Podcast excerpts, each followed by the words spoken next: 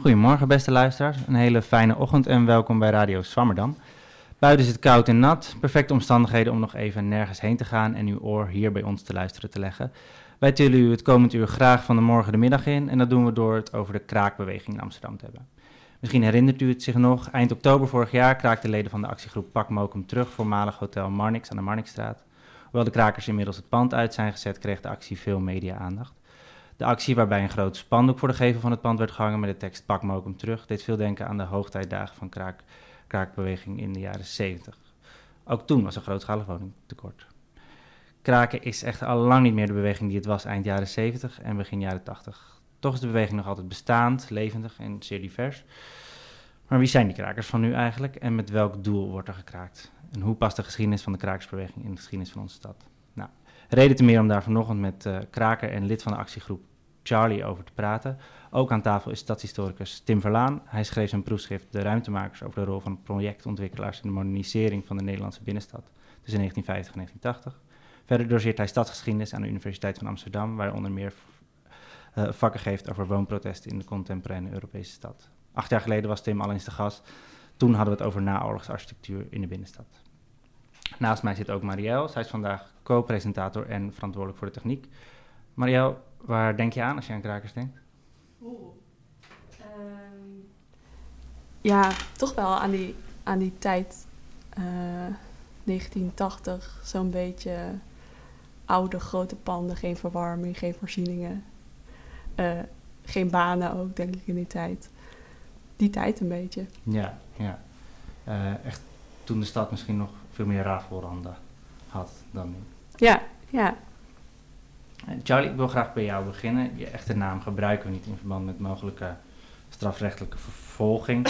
Kraak is, ja, ja, is sinds 2010 verboden, uh, dus daar zitten wel gevolgen aan. Maar voordat we verder ingaan op het kraken, uh, kun je toch een beeld schetsen van wie je bent, zodat we begrijpen waarom je kraakt? Zeker. Um, nu moet ik goed opletten met wat ik zeg, want ik niet zeg natuurlijk, omdat ik zo graag anoniem wil blijven. maar goed, um, ik kom uit Amsterdam, ik ben hier opgegroeid, um, in Oud-West.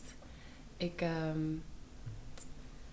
ja, dat was, ik ben 25, dus dat was uh, eind jaren 90. En ik heb uh, in mijn leven de hele stad zien veranderen. Ik heb uh, politicologie gestudeerd en, en, filosofie. En ik ja, die veranderingprocessen werden me steeds pijnlijker duidelijk. En dat niet alleen, maar ook ja, het feit dat je vrienden nergens kunnen wonen en al je favoriete plekken verdwijnen, maakte me boos en heel verdrietig. En um, ik denk dat daarom mijn interesse in kraken in, uh, ja, een aantal jaar geleden is begonnen. Ja, nou, ja dat is. Uh, uh, dat, dat, dat geeft al eigenlijk veel weg voor waar we het later over gaan hebben. Um, kun je vertellen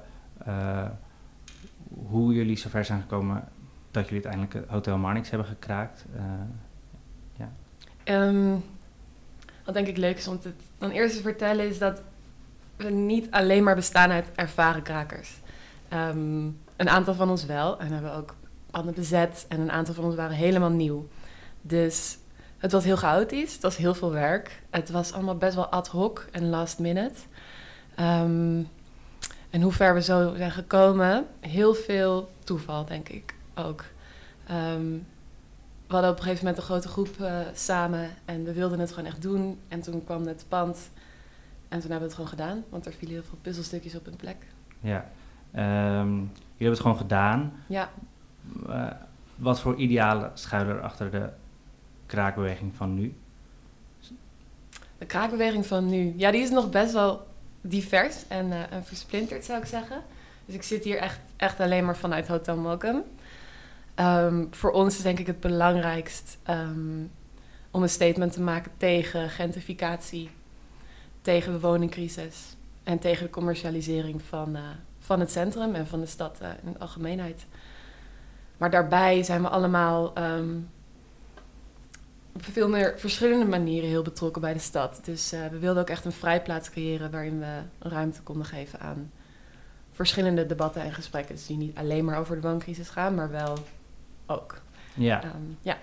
ja want eh, dat woord vrijplaats betekent denk ik veel voor krakers. Krakers in eerste instantie wordt vaak gelieerd aan, eh, aan de wooncrisis en, en het ontbreken van, woon, van woonruimte. Eh, maar in kraakpanden gebeurde veel meer dan alleen het wonen op zich. Eh, kun je vertellen wat dat voor jullie betekent, een vrijplaats? En, en eh, wat er in het pand allemaal ehm, gebeurde? Zeker. Ehm, ja, wat, wat betekent dat een vrijplaats? Ik denk niet dat er echt een definitie voor is. Ehm, tenminste, niet als het aan ons ligt. Ik denk dat het aan Halsema ligt wel, bijvoorbeeld. Ik denk, Ja, want wat, wat, is, wat is haar visie op een vrijplaats? Nou, ik denk dat die de term vrijplaats heel erg gebruikt om een bepaald broedplaatsbeleid een nieuw jasje te geven, wat weer leidt tot gentrificatie. Maar als het aan ons ligt, is een, een vrijplaats, ehm, ja, in dit geval dus een plek in een voormalig leegstand, leegstaand gebouw, waar je zelf echt invulling kan geven aan de ruimte zonder dat dat van opgelegd wordt. Ehm, wij geloven gewoon heel erg in dat jonge mensen een plek moeten krijgen om dat te doen.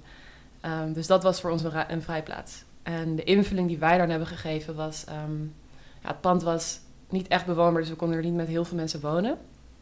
We hebben daar ehm, heel veel culturele evenementen georganiseerd, zoals expos en filmscreenings, baravonden en eh, discussieavonden.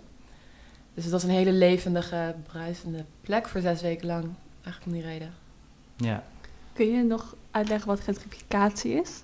Wat gentrificatie is, Mhm. Misschien beter aan, aan de, de andere gesprekspartner ehm, Mag ook hoor, je mag vragen. aanvullen. Maar hoe ik het zou uitleggen is, ik denk dat gentrificatie een, ehm, een proces is waarbij ehm, mensen met een...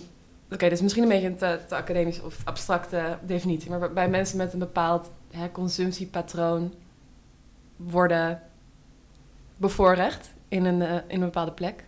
Waardoor ehm, oorspronkelijke bewoners, oorspronkelijke sociale netwerken die in buurten bestaan, verdwijnen. En dat is een, eh, ik zou het omschrijven als een gewelddadig eh, proces. Wat gepland wordt. Tim, niks aan toe te voegen. ja. prima, dankjewel. Ehm, ja, dus, dus aan de ene kant eh, kraken is het creëren van woonruimte. We hebben het net over die vrijplaats gehad, waar ruimte is voor cultuur, die zo belangrijk is voor de stad. Daar wil ik zo ook nog met Tim over hebben. Eh, maar je bent ook, je hebt politicologie gestudeerd. Ehm, ja, wordt ook wel gezegd, kraken is een vorm van tegenmacht. Ehm, zien jullie dat binnen, binnen de groep zo? Eh, is iedereen daarover eens dat, dat jullie zo politiek zijn? Ja, ik denk, het, ik denk bij ons wel. Ehm, het gaat wel op heel veel verschillende manieren. En ik denk ook wel dat wij door andere mensen uit de kraakbeweging bijvoorbeeld worden gezien als knuffelkrakers. Ehm, maar wij vinden onszelf ontzettend politiek, maar wel op een, op een ehm, misschien een speelse manier. En ook op een manier die misschien creatief is. Dus wij, bij ons ligt de focus ook wel echt op culturele evenementen. Naast ook heel erg bijvoorbeeld ehm, gesprekken met buurtbewoners en, en ehm, ja, zeg je dat, verantwoordelijkheid en openheid en weten waar je bent en weten waar je mee bezig bent. Ehm, maar daarom deden we dus een grote ja, diverse, diversiteit aan, aan evenementen. Ja. Als dat een beetje antwoord geeft op je vraag. Ja, dus eigenlijk eh, die, die tegenmacht die, die zit wel in, eh, in de organisatie, maar het is vooral buurt, eh, eh, het belang voor de buurt eh, en, en het culturele belang van, van, eh, van Hotel Mokum dat eigenlijk bij jullie aansprak. Ja, tegenmacht. Ik, had, ik heb die term eigenlijk zelfs nog nooit zo gehoord of gebruikt. Maar ik denk dat er inderdaad wel tegenmacht ligt in het je organiseren en bereid zijn iets te doen wat volgens sommige mensen eh, crimineel wordt gemaakt. Ja. Ehm, omdat je het daar niet mee eens bent. Ja. Ja. Ehm, ja, dus je speelt, je speelt het spelletje mee. Je laat je niet soort van. ehm, je probeert je niet te veel te laten beïnvloeden. Dat, dat is misschien wel ja, tegenmacht in die zin. Eh, ik had het net met Marielle even over de kraakbeweging van de jaren 80. En eh, daar gaan we het straks ook met Tim over hebben. Maar wat veel mensen misschien bijstaat is, zijn de, zijn de rellen van de jaren 80 van de kroning van, van, van Beatrix. Ehm, de kraakbeweging werd toen eigenlijk heel gewelddadig, van een, uit een meer misschien wat idealistischer naar ja, toch wel een, een heel harde beweging die uiteindelijk ook wel in een niche terecht gekomen is. Je hebt het dan over samenwerken met de buurt lukte dat goed om aan de mensen in, in, in de buurt daar uit te leggen wat jullie wilden en hoe ze met jullie uh, samen konden werken? Ja, ik denk vanuit de buurt hebben we ontzettend veel support gekregen. En um, die negatieve gedachten over krakers, die kregen we niet van hun te horen. Dat, was, dat, kwam uit andere hoek. Um, natuurlijk zaten we er maar zes weken, dus bij heel veel ja, mensen kwamen gewoon langs. En we hebben buurt, een buurtdag georganiseerd, waar allemaal buren kwamen eten. En, ehm, maar goed, wat we in zes weken hebben kunnen doen, hebben we hopelijk gedaan. Ja. Hoorde je van mensen dat ze uh, iets als dat hadden gemist in, in, in de wijk? Heel erg, ja. Heel erg. Um, ik ben zelf opgegroeid in de wijk waar um, Hotel Mokum was. Dus er kwamen heel veel mensen, zoals ik, en ouder en jonger, ook kinderen, langs met een soort ja, ontroering en ehm, heel veel emotie um, om hun support en steun te betuigen. Ja. Uh, ik heb net al even gezegd, kraken is sinds 2010 verboden. Jullie zijn uh, uit het pand gezet na, na een kort geding. Ja. Uh, we noemen ook je naam niet. Wat hangt jullie eigenlijk boven het hoofd?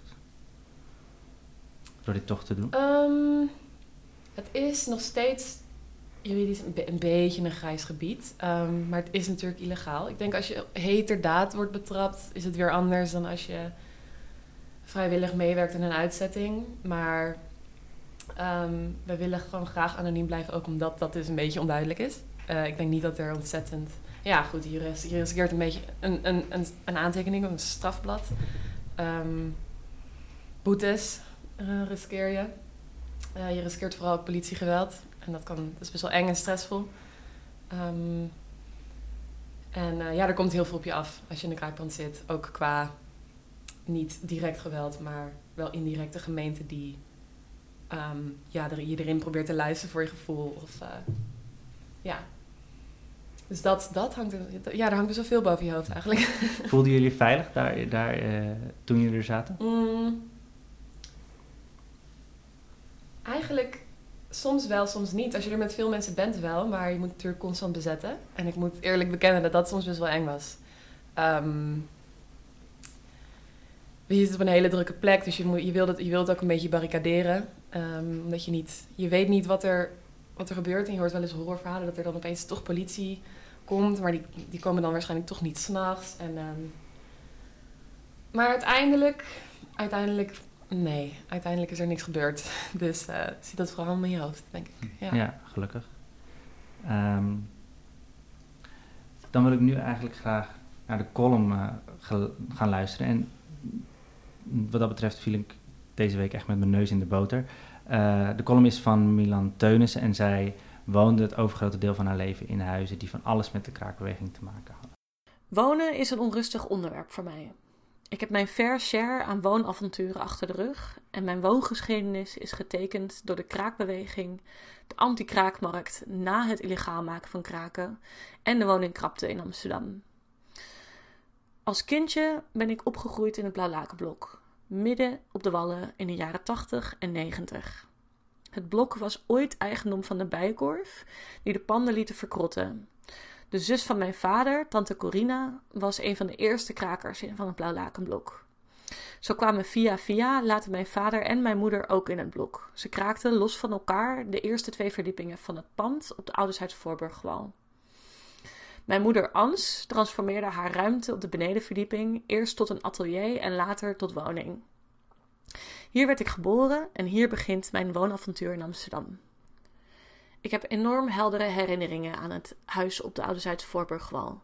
En ook het winkeltje op doek met de koesteeg, wat ook het pistraatje werd genoemd. Veel gepaster. Zoals bijvoorbeeld ons stapelbed van drie hoog, wat op, gemaakt, op maat gemaakt was door onze ouders, zodat mijn twee zussen en ik extra veel speelruimte overhielden in de kamer. En ook de kelder waar mams haar naaiatelier had en onze giga verkleedkist stond. En ik weet ook nog hoe al die plekken roken. En een soort van combinatie van oud en heel vertrouwde geur. Beetje stoffig, beetje muffig, maar dan op een fijne manier, je weet wel. Kortom, opgroeien in het huis was vrij, speels en creatief. Ik was net een tiener toen de kei het blauwlakenblok wilde opknappen. Beter bekend als het opdelen van de ruimtes in kleine appartementjes en de huur omhoog gooien. Mijn vader, Matthijs, verzette zich jarenlang door, de rechtszaak, door een rechtszaak aan te spannen. Maar op een zomer rond het nieuwe millennium hielp ik met de verhuizing naar een tijdelijke woning op de Warmoestraat, in het pand waar nu de Metropolitan Deli zit.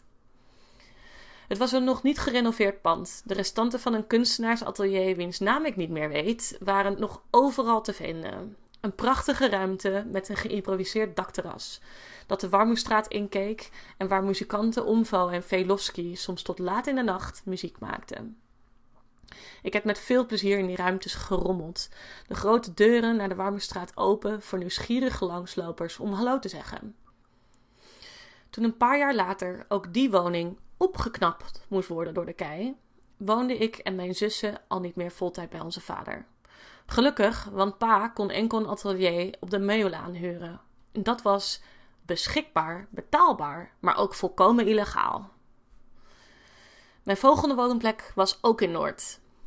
Ik heb toen ik 19 was een tijdje bij de andere zus van mijn vader, tante Quintien, gewoond. Omdat intrekken bij mijn ouders geen optie was. Mijn vader was overleden en mijn moeder woonde in het buitenland. Maar ik wil heel graag in Amsterdam studeren.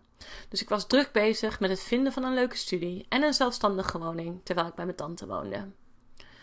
Betaalbare studentenwoningen waren in 2009 ook al schaars. Na de korte periode bij mijn tante hebben mijn tweelingzus en ik een tijdje op de bovenste verdieping in een pand op het Prinseneiland gewoond. We woonden samen met de moeder van een goede vriendin van onze ouders. Zij had veel ruimte en kon wel wat leven in huis gebruiken. Totdat het eigenlijk ook niet meer ging. Ze was eigenlijk te oud. Ik voelde mij dus gezegend toen ik de kans kreeg om samen met vier andere meiden in een mufpand in Slotervaart te mogen intrekken. Het was mijn grote in op de anti-kraaktmarkt, waar ook al lange wachtrijen waren. De huur was laag en zo ook de woonzekerheid. Ik en mijn zus zijn gedurende onze studieperiode bijna elk half jaar verhuisd. Na Slotie, zoals wij dat noemden, heb ik in een oud bordeel in het centrum gewoond. Daarna in een tweekamerwoning om de hoek van Amstelstation en uiteindelijk in een oude drukkerij in Wormerveer. Tussen elke anti-kraakwoning verhuisde ik weer terug naar het huis van tante Quintien. Omdat je niet meteen een andere woning aangeboden kreeg van de anti-kraakbaas. Mijn kortste periode in een huis was om de hoek uh, bij het Amstelstation. Ik heb daar toen drie weken gewoond en moest door nalatige communicatie alles in één dag inpakken en verhuizen. Als troost kreeg ik een plek in Wormerveer aangeboden. Een gigantisch donker pand zonder keuken of wateraansluiting voor een wasmachine. Ik deed de afwas in de douchecabine en ik kende er niemand. Ik woonde in die periode dan ook praktisch op het natuurwetenschappencampus van de UVA en bij mijn vriend. Alles om maar niet terug te hoeven naar die eenzame plek. Na een jaar volhouden in Wormerveer kon ik drie maanden op het huis van mijn toenmalige vriend passen, terwijl hij op wereldreis ging.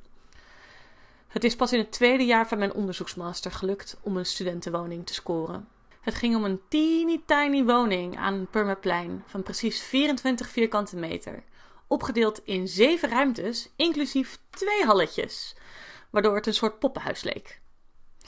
Na anderhalf jaar moest ik mijn poppenhuisje verlaten. Want ik kon de 600 euro absoluut niet betalen van mijn studie. En ik had mijn studies inmiddels afgerond. Het einde van mijn woononrust kwam dankzij de kraakbeweging. Een oude studievriend mocht iemand voordragen voor de woongroep waar hij woonde, waar net een plekje vrij kwam. Het pand was op de Herengracht en was in de jaren tachtig gekraakt. En een paar van de oorspronkelijke krakers wonen er nog. Er waren inmiddels wooncontracten afgesloten met IJmeren, maar de krakershouding doordrenkte het pand. Zij hebben met hun eigen handen in het grachtenpand drie woongroepen opgebouwd. Elke woongroep bestond uit vijf mensen en had als hart een ruime keuken waar met z'n allen kookten. Mijn slaap-huiskamer was ruim en licht. Ik had gezellige huisgenoten en er was zelfs een logeerkamer. En voor het eerst, negen jaar na mijn eerste poging om zelfstandig te wonen, had ik een kamer waar ik mocht blijven. Mijn eerste stabiele en betaalbare woning had ik te danken aan de krakersbeweging. Nu ik terugblik op mijn woongeschiedenis, valt het op. Voor iets dat een woonrecht heet, heb ik vooral veel stress en onzekerheid ervaren. De systemen die mij aan een huis moesten kunnen helpen, woningcorporaties, sociale huur, studentenwoningen en zelfs vrije sectorhuur, lagen allemaal schrijnend buiten bereik. Ik was overgelaten aan de wolven van de antikraakmarkt, de liefdadigheid van de familieleden en de reislust van vrienden. Ik vereenzaamde in Wormerveer en raakte in de geldproblemen in Amsterdam-Noord. Ik krabbelde terug op de Herengracht. Ik werd mijn positie in de middenklasse aan mijn studie en het voormalig kraakpand waar ik houvast heb gevonden. Ik heb mijn woonrust te danken aan geen woning, geen kroning. Ja, prachtige column. Herken je veel van de problematiek in wat Milan uh, zegt? Ja, heel veel. Um, en vooral wat ik, wat ik heel leuk vind is, um, is de conclusie, namelijk dat kraakbeweging van toen ook nu nog zoveel um, betekent voor de stad. En wat dat dan betekent. dat laat voor mij zien waarom en hoe kraken van toen nog zo'n inspiratie kan zijn voor kraken van nu. Ja. Ja, en die oneindige onzekerheid en uh, het niet kunnen betalen van je huur, dat is, dat is denk ik voor heel veel mensen van mijn leeftijd in Amsterdam uh, ja, de realiteit. De dagelijkse ja. realiteit. Ja. Tim, Milan sluit af met: Ik heb te danken aan geen woning, geen kroning. Uh, maar zoals ik net al noemde, geen woning, geen kroning waren eigenlijk ook heel veel, of kan misschien ook gezien worden als het einde van, uh, uh, van een krakersbeweging toen. Uh, kun je een beetje het verloop van, van de krakersbeweging schetsen in, in Amsterdam? Ja, ik zal het proberen kort te houden, want het is toch wel een lange geschiedenis. Maar misschien om aan te sluiten ook op wat net is gezegd. Um, kraken betekent niet alleen maar een plek creëren waar je kunt wonen, maar ook een plek voor inderdaad vrije ruimte, cultuur. Uh, Paradiso bijvoorbeeld was ook nooit ontstaan zonder mensen die het initiatief hadden genomen om dat gebouw te kraken en van sloop uh, te redden. Dus uh, het gaat niet alleen om wonen, maar in de jaren 60, uh, ook al werd er voor de oorlog ook wel gekraakt, in de jaren 60 zie je dat je voor het eerst kunt spreken van een soort beweging. En uh, wat er gebeurt in Nederland en eigenlijk in heel veel verschillende westerse landen, is de babyboom-generatie, die we nu om verschillende redenen heel lastig vinden om mee om te gaan. Maar in die generatie groeide op in de jaren 60 en was op zoek naar een woning. En um, eigenlijk is er heel veel gebouwd na de oorlog vooral in de jaren 50. Echt, we haalden makkelijk 100.000 woningen per jaar. Maar er werden vooral woningen gebouwd voor gezinnen. En je ziet dat de jeugd um, op zoek was naar zelfontplooiing, ging studeren. De verzorgingsstaat breidde ook uit. Uh, steeds meer mensen uh, konden genieten van hoger onderwijs. En die jongeren zochten een plek om te wonen in de stad waar ze werkten. Die stad was natuurlijk een plek of waar ze woonden, waar ze studeerden. Die stad was een plek natuurlijk als een soort uh, roltrap. Daar kom je in zonder heel veel financieel, cultureel kapitaal. Maar je gaat er als een rijke mens uit, of het nu financieel is of cultureel. Want even tussendoor, die 100.000 woningen per jaar, werden die allemaal in Amsterdam gebouwd? Of?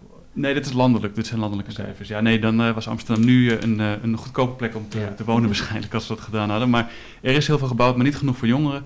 En die jongeren die gingen dus inderdaad ook in verzet tegen wat we cityvorming noemen. Dus het idee dat je in de binnenstad vooral ruimte creëert voor auto's, voor kantoren of het groot winkelbedrijf.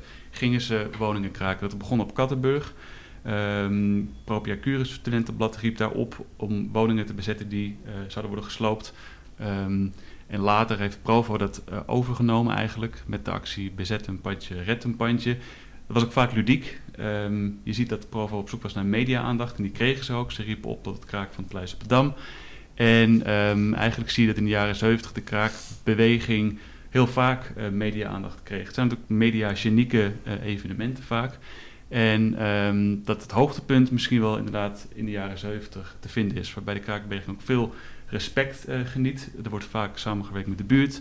En mensen begrijpen ook in tijden van woningnood leegstaande panden worden gekraakt. Of het nu is uh, om speculatie tegen te gaan, of het nu is om historisch interessante panden te bewaren.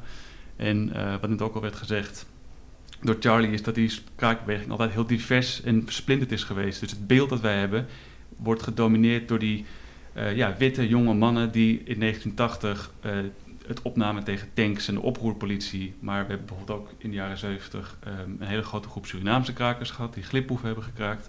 Je had allerlei vrouwenpanden die echt ja, een soort blijf van blijf huizen waren.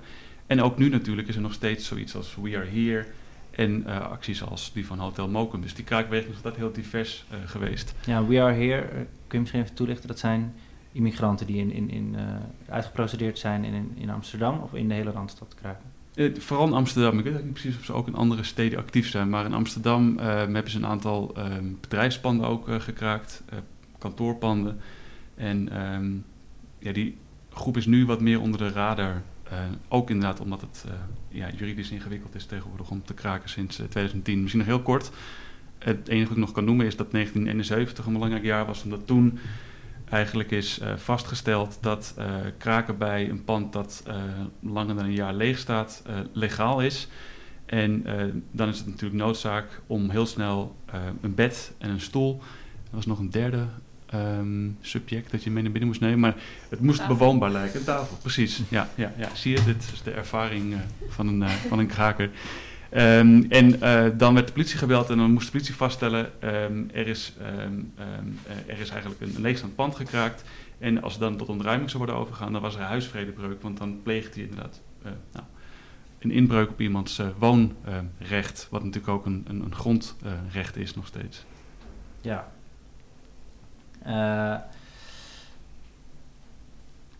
in je inleiding van, van je proefschrift heb je het ook kort even over die, die actievoerders. En dan, uh, dan haal je een Amerikaanse filosoof aan, Berman. En als je het goed vindt, dan lees ik even het citaat voor wat erin staat. Oké. Okay. Mm -hmm. Before long, they would find something more, a source of life and energy and affirmation that was just as modern as the expressway world, but radically opposed to the forms and motions of that world. They would find it in a place where few of the uh, modernists would have dreamt looking for it. The everyday life of the street. Ik vond het een hele mooie, uh, uh, ja, ik vond het een hele mooie quote. je proef gaat natuurlijk over de modernisering en wat missen die modern, modernisten van die tijd, het inzicht wat de krakers wel hebben. Kun, kun je dat toelichten? Waarom ja, ik ben heel blij dat je Marshall Berman hier een keer citeert. Dat is mijn favoriete auteur en ook mijn favoriete boek. En wat Berman laat zien is dat er niet één soort moderniteit bestaat. Hij heeft het over moderniteit als een ervaring. En hij heeft vooral um, interesse in de ambivalente, het ambivalente karakter van moderniteit. Dus enerzijds het gevoel van verlies, anderzijds het gevoel van vooruitgang dat um, in die moderniteit besloten ligt. En Burman is ook heel erg tegen uh, de modernisten die met een soort blind enthousiasme um, sloop en vernietiging omarmen. Dus de futuristen bijvoorbeeld vindt hij niet zo interessant. Hij vindt het interessant als mensen aandacht hebben voor het ambivalente.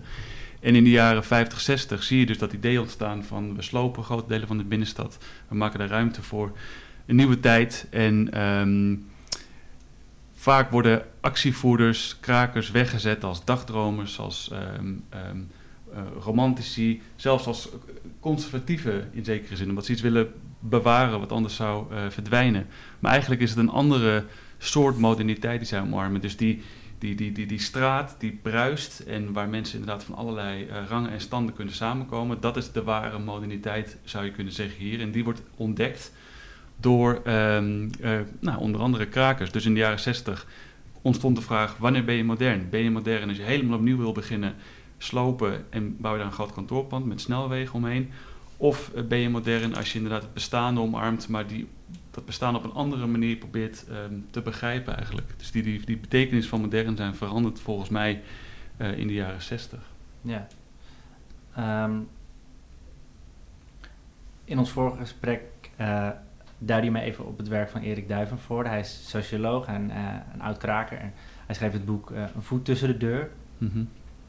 En hij zegt daarin dat de kraakbeweging eigenlijk vooral een beweging van individuen was. Ieder met zijn eigen motivatie voor deelname aan, uh, aan de kraakbeweging. Mm -hmm.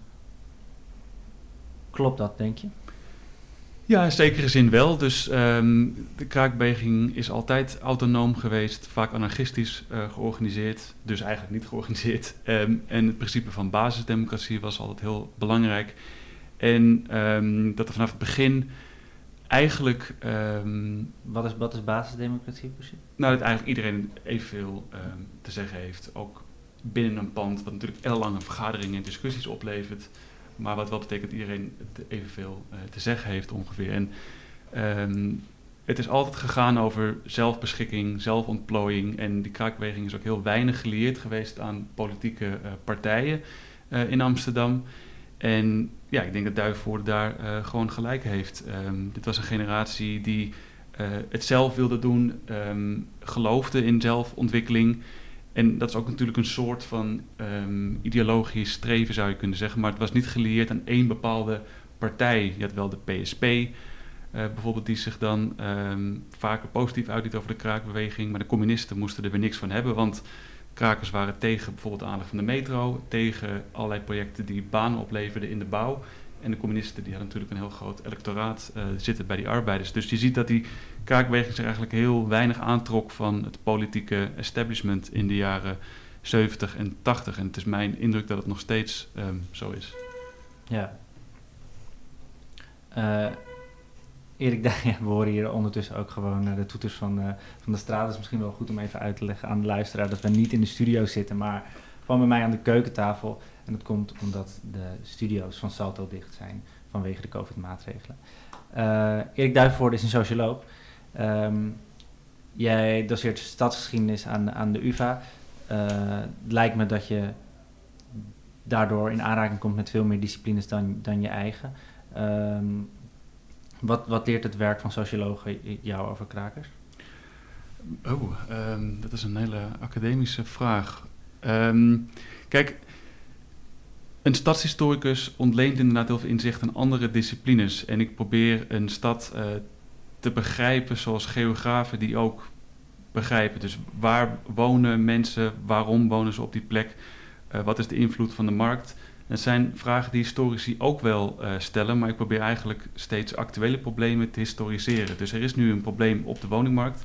Hoe komt dat? Dan kun je niet tien jaar teruggaan in de tijd. Dan moet je echt verder teruggaan om te begrijpen uh, dat bijvoorbeeld het CDA al vanaf de jaren 70 heeft geprobeerd om kraken illegaal te maken. Dat is uiteindelijk dus ook gelukt.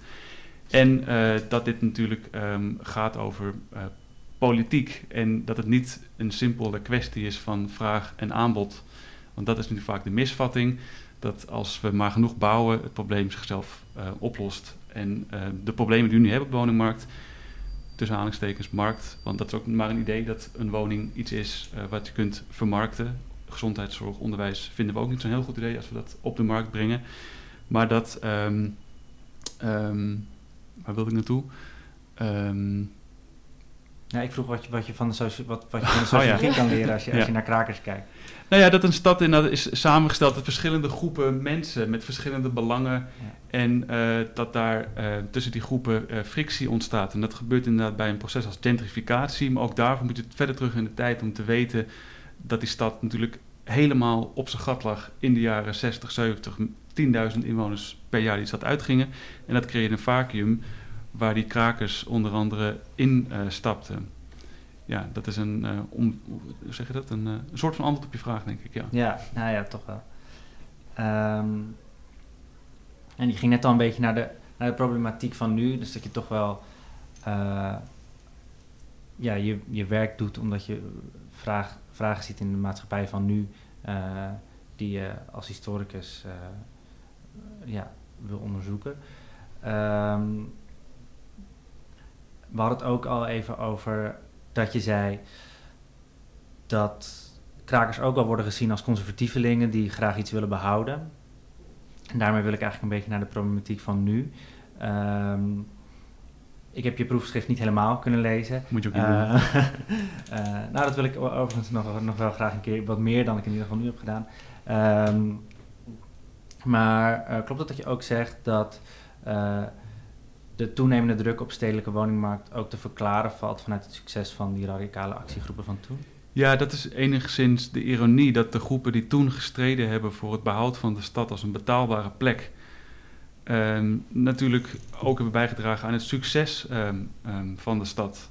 Dus uh, dat in de jaren 70 met name in de jaren 70, die stedelijke crisis, echt uh, hoogtij. Die krakers hebben ervoor gezorgd dat historische panden bewaard bleven, dat er uh, weer leven kwam in die stad.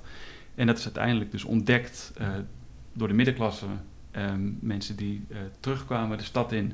En de politiek heeft dat natuurlijk een enorme duw gegeven. En de politiek heeft ook wel goede dingen gedaan. Er zijn allerlei panden aangekocht en die zijn aan woningbouwverenigingen overgedaan, waardoor er dus inderdaad nog steeds plekken zijn waar je betaalbaar kunt wonen in Amsterdam. Ehm, nog een keer je vraag?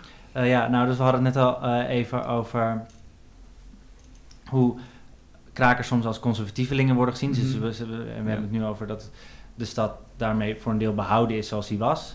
Uh, ja, dus het succes en het falen. Ja, precies. Ja, ja, nee, dus dat, dat die, die, die plekken zijn bewaard gebleven. En dat sommige mensen natuurlijk ook hun idealen zijn verloren. Dus er zijn genoeg mensen die een pand hebben gekraakt.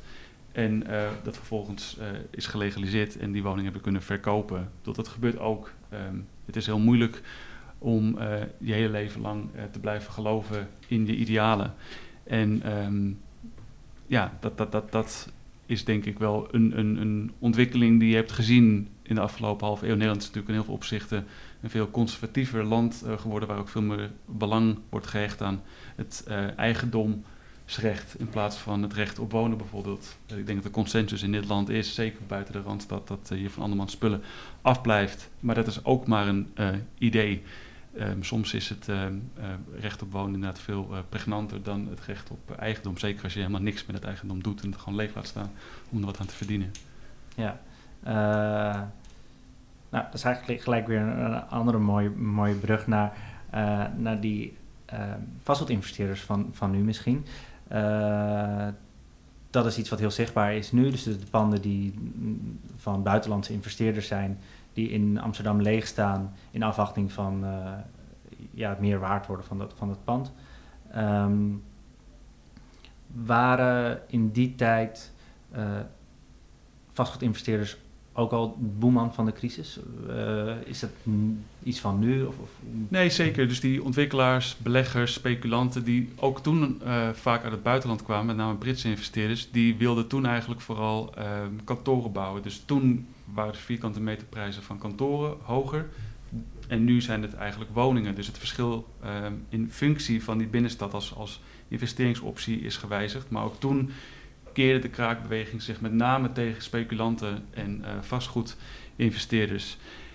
Alleen nu is het zo dat die vastgoedinvesteerders eigenlijk heel weinig nog hebben om bang voor te zijn. Ik denk dat kraak wat dat betreft een goede um, ja, stok achter de deur kan zijn om uh, ervoor te zorgen dat uh, er geen leegstand is in Amsterdam. En um, ja, dat, dat middel ben je eigenlijk kwijtgeraakt met dat kraakverbod in 2010. Um, ja, dus investeerders zijn altijd problematisch um, geweest voor de betaalbaarheid van de stad. Of ze nu kantoren wilden bouwen of woningen. De woningen die ze nu bouwen, die zijn natuurlijk niet voor mensen met een middeninkomen of lager. Ja, een andere boeman is nu de VVD vooral en misschien ook neo, neoliberalisme, het soort van politiek van nu. Um, de vrije marktwerking, het idee dat huizen producten zijn en, en, en, en, geen ja, rechten voor mensen om als basis voor voorziening. Ja, ik wilde vragen of dat terecht is, maar dat is eigenlijk misschien wel met je vorige antwoord beantwoorden? Nou, kijk, uh, neoliberalisme is niet iets dat alleen de VVD omarmt. En misschien nog wel even goed ook om te benadrukken is dat neoliberalisme een lange geschiedenis heeft en eigenlijk al in de jaren tachtig um, in de Nederlandse politiek uh, ingang vindt, ook bij de PvdA. Um, en dit is een idee niet dat uh, de markt uh, moet domineren, maar dat de overheid er ook is om die markt te helpen. Dus het is niet alleen maar dat je zegt, laat aan de markt over, maar de overheid moet ervoor zorgen dat er competitie is, dat er geen monopolies ontstaan en dat er vooral heel veel concurrentie is onderling. En ook sinds de jaren tachtig het idee dat eigen woningbezit goed is. Um, en um, ja, kijk, je hebt de VVD, maar je hebt heel veel andere partijen die ook um, vinden dat uh, eigendomsrecht heel uh, belangrijk is. En het neoliberalisme, dat, dat, is er al 40, 50 jaar. Dat is ook niet iets van de afgelopen um, 10, uh, 20 jaar.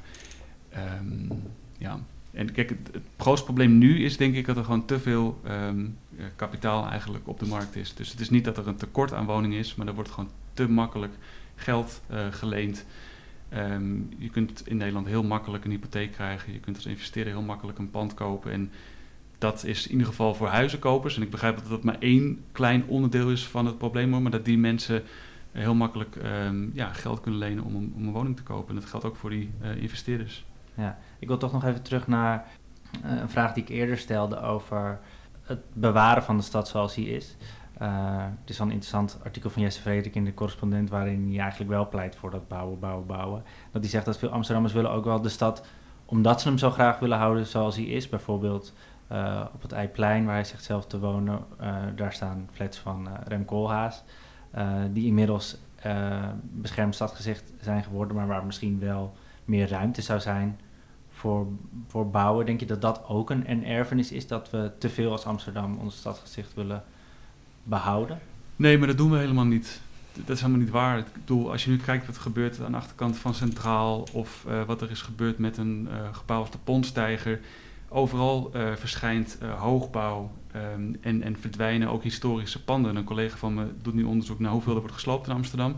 Er wordt nu bijna net zoveel gesloopt als in de jaren 70 en 80. Alleen er komt iets voor terug dat dan beter past in het stadsbeeld. Duurder vaak.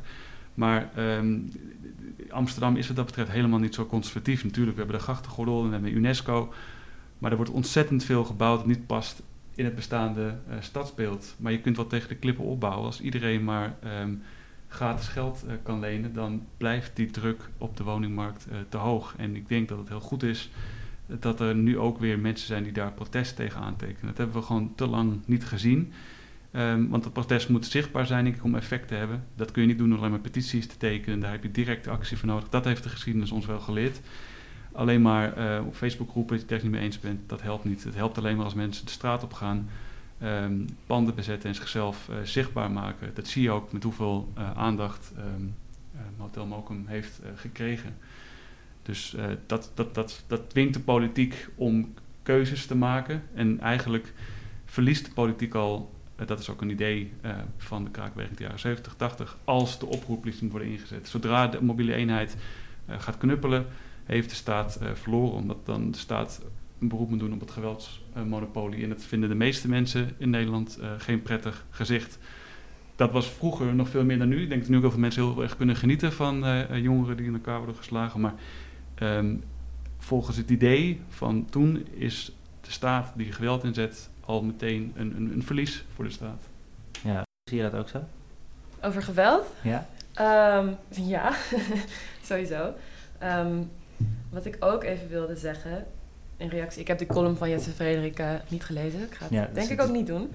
Um, maar wat ik, wat, ik, wat ik ook niet helemaal snap is waarom, waarom moet je voor bouwen, bouwen, bouwen zijn? En zou dat dan, zou dat dan progressief zijn? Als er zulke ontzettende grote machtsverschillen en onrechtvaardigheden bestaan in het hier nu, hoe is het dan progressief om dat te negeren en alleen maar te gaan bouwen? En waarom is het niet juist progressief om te zeggen: we moeten eerst kijken naar het hier nu? Want op deze manier um, woont de helft van de mensen die hier nu wonen er zometeen niet meer. En werken we dus gentrificatie wat een racistisch proces is in de hand. Ja, zoals met hier en nu bedoel je dus, heel erg dat, dat proces van gentrificatie. Dus het, de, de steeds monotomere cultuur van Amsterdam, het verdwijnen van mensen uit de ja, maar ook waar ze eigenlijk wonen. Wat Tim net zegt, dus de financialisering uh, die daarachter ligt. En uh, er zijn zo ontzettend veel megalomane problemen die, die samenkomen op de woningmarkt. Um, op, ja, hoe, ja, goed, dat wilde ik gewoon even zeggen. Ik denk, niet dat, ik denk dat Kaken ja, kan conservatief zijn. Um, maar ik denk juist omdat inderdaad Kaken een vorm van direct, directe actie is en um, um, ook echt ideologische verandering brengt, dat het juist niet conservatief is. Ja. Ook, al, ook al schijnt het misschien, lijkt het misschien zo, maar je moet net even iets. Ja, je verandert de status quo, toch? Doel, dat is, dus dan ben je niet uh, conservatief in het hier en nu. En wat, ja. Ook, wat, ja, ja, wat ook vaak wordt vergeten is, is dat ook eigen woningbezit natuurlijk ook een ideologisch uh, idee is. Um, dat is gewoon uitgerold door conservatieve partijen vanuit het idee dat een tevreden huizenkoper geen onruststoker is. En die zullen niet uh, zijn uh, voor grote um, politieke revoluties of economische omwentelingen, want dat tast dan ook hun bezit eigenlijk aan. En hoe meer woningbezitters er zijn, hoe conservatiever er wordt gestemd, is het idee. Terwijl ik, dan mis ik vaak in, in discussies nu um, hier allerlei politieke, ideologische constructies achter zitten. Het is niet een soort van natuurfenomeen van, oh iedereen wil in Amsterdam wonen. Nee, er zijn keuzes gemaakt die tot de huidige situatie hebben geleid. En het zijn politieke keuzes uh, geweest. Niet de keuzes van individuen, niet de keuzes van Charlie en mij om toch in Amsterdam te willen wonen. Of jullie keuze. Dat, dat, dat is maar een heel klein onderdeel van, ja. van wat er aan de hand is nu. Ja. Die uh, erfenis zit hem dus uh, ook in het gedachtegoed van die, van die krakers. Maar wat ik ook interessant nog vind, is dat die erfenis ook zit in hoe we eigenlijk samen wonen. En wat voor manieren er eigenlijk allemaal zijn om uh, als mensen samen in een stad te leven. Um, is daar nog wat van over? Uh, ja, maar ook dat wordt nu dan um, gecommodificeerd. Dus het interessante bijvoorbeeld is dat uh, woningontwikkelaars nu bijvoorbeeld uh, van het Friends-concept spreken. Friends, de serie. Want het is hartstikke leuk om die 35ste met vijf mensen op 40 vierkante meter te wonen.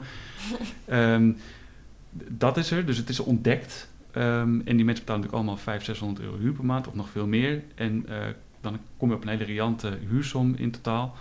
Maar natuurlijk zijn er nog woongroepen, um, wat net ook uh, uh, omschreven is, waar mensen samen leven in plaats van alleen maar samen wonen. Ik heb zelf ook in een woongroep gezeten aan de Weesbezijde. En um, ja, dat was ook wel een collectief waarbij um, mensen besluiten wie er in dat pand komt te wonen. Er wordt samen gekookt, er wordt samen voor onderhoud gezorgd aan dat pand. Dus het is er nog steeds. Maar um, zodra de markt eraan komt, eh, is het wat anders. Want dat zijn ook vaak tijdelijke contracten. Dan moet je na een jaar of twee jaar weer door. En daar creëer je geen uh, gemeenschap uh, mee, zoals we die hebben gezien in de wat oudere kraakpanden. Waarbij mensen ja, generatie op generatie het idee overgeven en daar langer wonen dan een paar jaar. Want als iedereen steeds door moet, dan creëer je ook geen cement. En dan is het ook lastig voor de buurt om te weten van wat moet ik met die groep mensen die daar wonen. Charlie, jullie hebben nu um één pand uh, gekraakt aan de Marnixstraat. Die manieren van samenwonen worden misschien steeds beleidsmatiger vastgelegd. Uh, Tim had het net over de contracten die voor maar voor korte duur zijn. Dus, dus het idee van hoe krakers samenwonen bestaat nog steeds wel, maar willen we steeds meer aan banden leggen, controle over uitvoeren misschien. Is er dan nog wel, uh, kan er, is er nog plek in de stad voor krakers en kunnen we die ook weer meer laten worden? Ik hoop dat er, ik hoop dat er meer ruimte komt voor krakers, laat ik het zo zeggen. Ik denk niet dat er veel ruimte is. Die pakken we. Maar um, als het aan anderen ligt, dan is die er niet. niet. En ik denk, um, ik hoop dat kraken groter wordt en uh, meer gebeurt zolang er leegstand is. Zodat er dus gewoon meer ruimte voor krakers komt. Want ik denk ook niet, ja, de criminalisering van um, kraken die, die is gebeurd. Ik zie dat ook als een proces wat je weer terug kan draaien in elk geval. Dat kunnen we met z'n allen in elk geval heel hard gaan proberen. Um, dus ja, hopelijk over een, over een jaar of tien zijn er tien keer zoveel kraakpanden als nu. Ja. Tim, denk je dat dat, dat, dat, dat uh, uh, zou werken als we het zouden decriminaliseren? Mm, ja, tuurlijk. Zou ja. dat gentrificatie harder Logisch. tegengaan? Ja, absoluut. Nee, en uh, dat heeft in het verleden gewerkt en het kan ook nu weer werken. Alleen um, Amsterdam heeft altijd last van Den Haag. Ik bedoel, wat je nu ook vindt van het gemeentebestuur, ze zijn wel iets progressiever dan uh, wat er in Den Haag wordt besloten, maar je hebt altijd landelijke wetgeving waar je mee hebt te maken.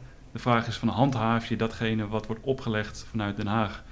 En Amsterdam heeft altijd gezegd dat ze niet tot ontruiming zullen overgaan. Dat deden ze tot voor kort net na het kraakverbod, maar inmiddels uh, ontruimen ze wel gewoon. Um, en ja, kraken is altijd een, een, een, middel om, om ook, dat is misschien nog wel belangrijker dan het creëren van die ruimte zelf, om aandacht te vragen voor een probleem. En ik denk dat heel veel mensen in Amsterdam, overgrote merendeel van de Amsterdammers, um, Hotel Mokum een hart uh, warm, of een hart warm, een warm hart toedraagt. Uh, en en, en uh, dat je daarmee ook laat zien van dit zijn jonge mensen die gewoon niet in deze stad kunnen wonen. En tot een paar jaar geleden was het altijd het verhaal, ja dan ga je toch in Almere wonen. Maar dat uh, kan ook al lang niet meer. En uh, daarmee negeer je ook dat een stad um, natuurlijk baat heeft bij jonge mensen die daar kunnen wonen. Die brengen levende brouwerijen inderdaad, die richten uh, allerlei instellingen op waar we nu nog steeds profijt van hebben. Um, en als je het toch meer vanuit het marktperspectief wil bekijken, kun je zeggen het zijn goedkope arbeidskrachten uiteindelijk. En als die mensen de stad niet meer inkomen, dan is die stad gewoon dood straks. Die stad sterft gewoon af als er geen jonge mensen in kunnen komen. Um, of jonge mensen die alleen maar hard aan het werk zijn om een hypotheek uh, te betalen. Dat is wel een groot verschil nog tussen toen en nu. Toen kon je natuurlijk makkelijk tien jaar over je studie doen. En uh, kraakte je een pand en kreeg je veel meer de luxe eigenlijk om, om kritisch te zijn. Dat moet je je ook kunnen veroorloven. En tegenwoordig moet je binnen drie, ja. vier jaar door je studie heen. Ja. Misschien heb jij dat ook zo ervaren. Dat Zeker. iets is dat heel veel tijd kost en daarmee geld.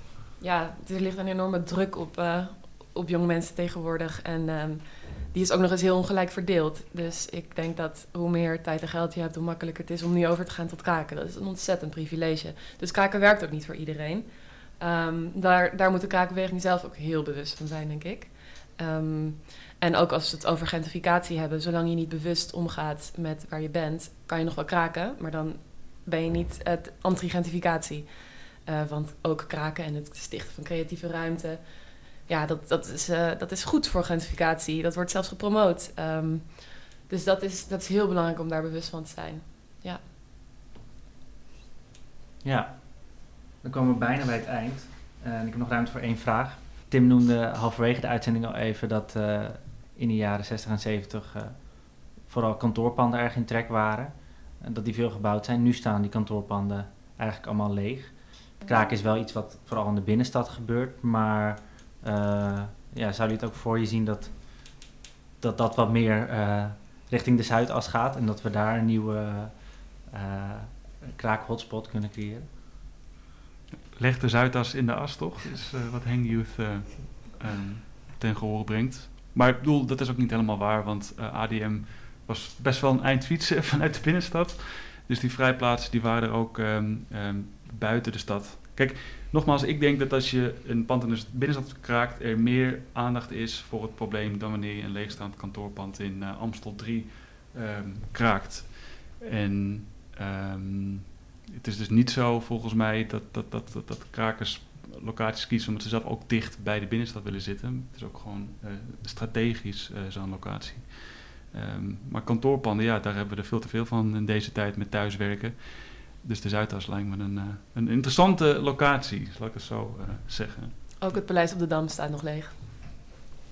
Ja, nee, dus dan komen we toch weer full circle en uh, komen we uit de Provo. Ja, ja, ja, ja. Uh, nou, bedankt alle twee voor dit gesprek. Uh, ik denk dat dat ons wel uh, zo op het eind van deze uitzending brengt. Vandaag hadden we het over de kraakbeweging in Amsterdam. De gast was de stadshistoricus Tim Verlaan en Charlie van actiegroep Pak Hem Terug. Ontzettend bedankt.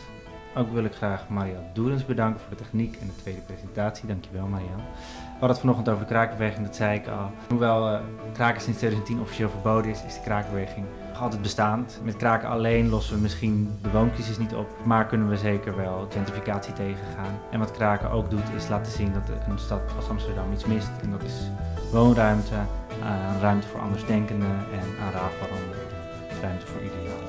Reageer op deze uitzending, dat kan via Facebook, Instagram of Twitter. Volg ons daar ook vooral, dat vinden we altijd leuk. Mailen kan natuurlijk ook naar redactie.radioswammerdam.nl. Volgende week zondag kun je weer om 11 uur luisteren naar Radio Swammerdam op Radio Salto. Waar we dan we gaan het hebben over uh, zwarte materie. Ah, ja, dat is, dat is waar. Ja, zwarte materie. Uh, als je de uitzending wilt terugluisteren, dan kan dat via je favoriete podcastkanaal. Namelijk via Spotify, iTunes of Soundcloud. Uh, of neem een kijkje op onze website uh. Dit was Radio Swammerdam. Bedankt voor het luisteren en hopelijk